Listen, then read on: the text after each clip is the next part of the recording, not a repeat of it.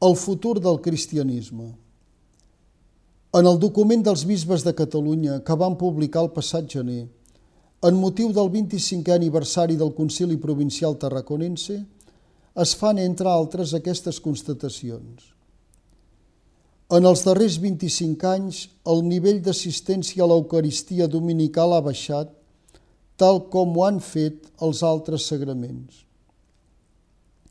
Un 60% dels catalans es considera catòlic i un 10-12% declaren de pertànyer a una altra confessió religiosa.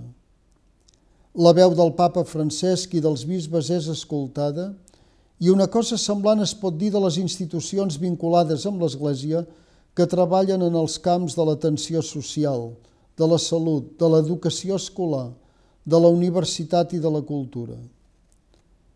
El nombre de vocacions al ministeri sacerdotal resta baix, però més aviat estable, mentre que el nombre de preveres i de religiosos i religioses és netament inferior al de 1995. Llums i ombres caracteritzen la situació de l'Església. La pregunta és, cap on anem? Quin és el futur del cristianisme, almenys a casa nostra?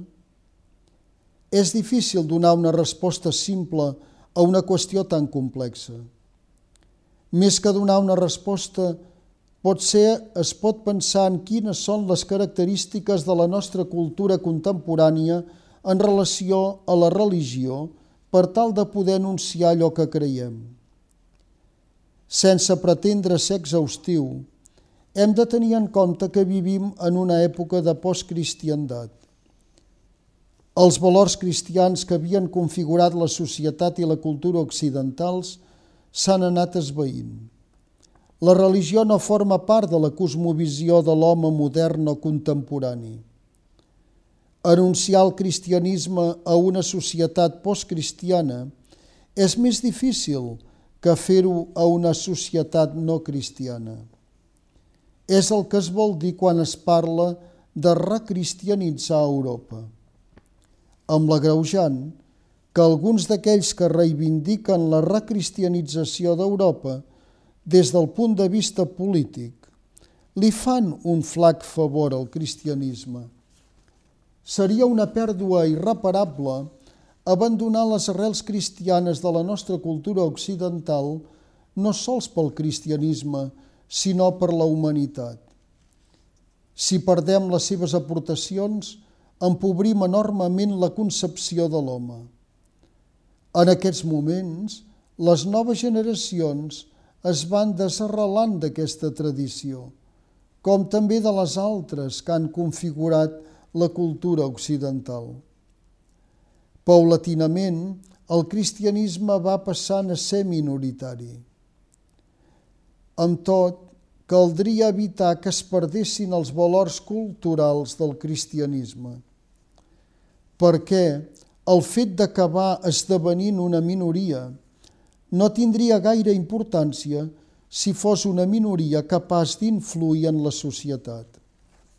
Més que entrar en valoracions sociològiques, voldria subratllar el doll de gràcia que és per a les comunitats cristianes i per a la societat en general el ministeri sacerdotal. No fa molts dies un membre que va participar en el concili tarraconense de 1995 em parlava del silenci que es va fer a l'aula conciliar de Sant Cugat del Vallès a la primavera de l'any 1995 quan hi va intervenir el bisbe auxiliar emèrit de Barcelona, Ramon Daumau, que en aquells moments tenia 83 anys amb veu clara i càlida, va deixar entreveure com el sacerdoci havia cisellat la seva vida. Les seves paraules feien flaire d'una humanitat exquisida, de fe i d'amor a l'Església i al món. Des del zènit de la seva vida s'hi descobria el batec d'un cor jove. Per això els va dir, l'Església és de Jesucrist L'Església ens supera en el temps i en l'espai. No la portem als homes, la condueix la presència de l'Esperit. En aquesta línia, caldria potenciar la formació espiritual i intel·lectual no només del clergat, sinó de tots els cristians.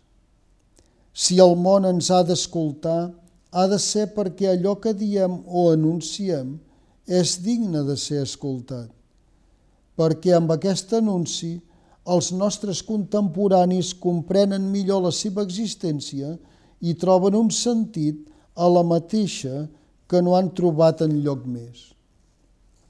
Les jornades que cada any s'organitzen per pregar per les vocacions o el mateix dia del seminari, més que un ball de números, esdevenen una invitació a creure que el cristianisme té futur, tots sentint com a pròpia la missió ministerial en l'Església. Com s'ha dit, la primera paraula la té l'esperit, però com bé sabem, la segona o la quarta està a les mans dels mateixos cristians i sense la seva aportació no hi haurà una nova primavera per a l'Església.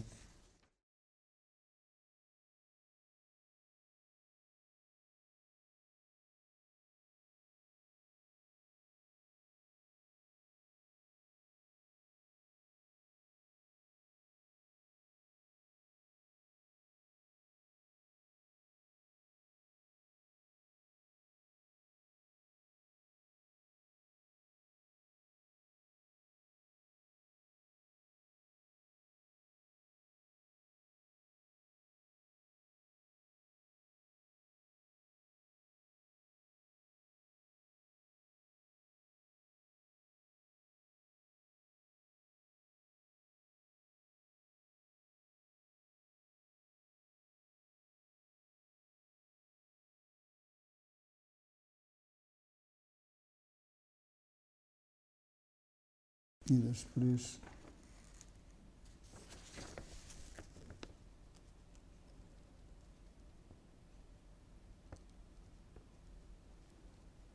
a més i aquí el dia del seminari les, les jornades per les vocacions o el mateix dia del seminari no? les jornades que cada any s'organitzen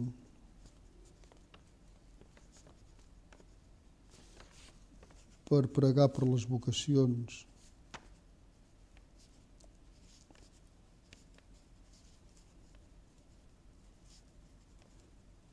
No? O el mateix dia del seminari, aquí sí que ho puc dir, no? Sí, sí. Eh? O el mateix. Vale, doncs ja està.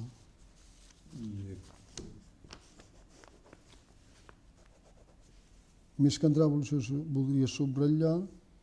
I si hi ha un punt, pot parar el punt, eh? No cal llegir-ho tot.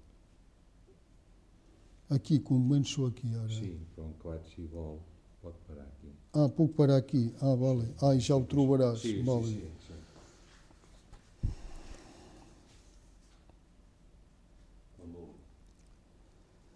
Més que entrar en valoracions sociològiques, voldria subratllar el doll de gràcia que és per a les comunitats cristianes i per a la societat en general el ministeri sacerdotal.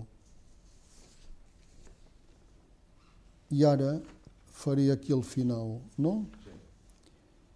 Les jornades que cada any s'organitzen per pregar per les vocacions o el mateix dia del seminari, més que un ball de números, esdevenen una invitació a creure que el cristianisme té futur, tots sentint com a pròpia la missió ministerial en l'Església.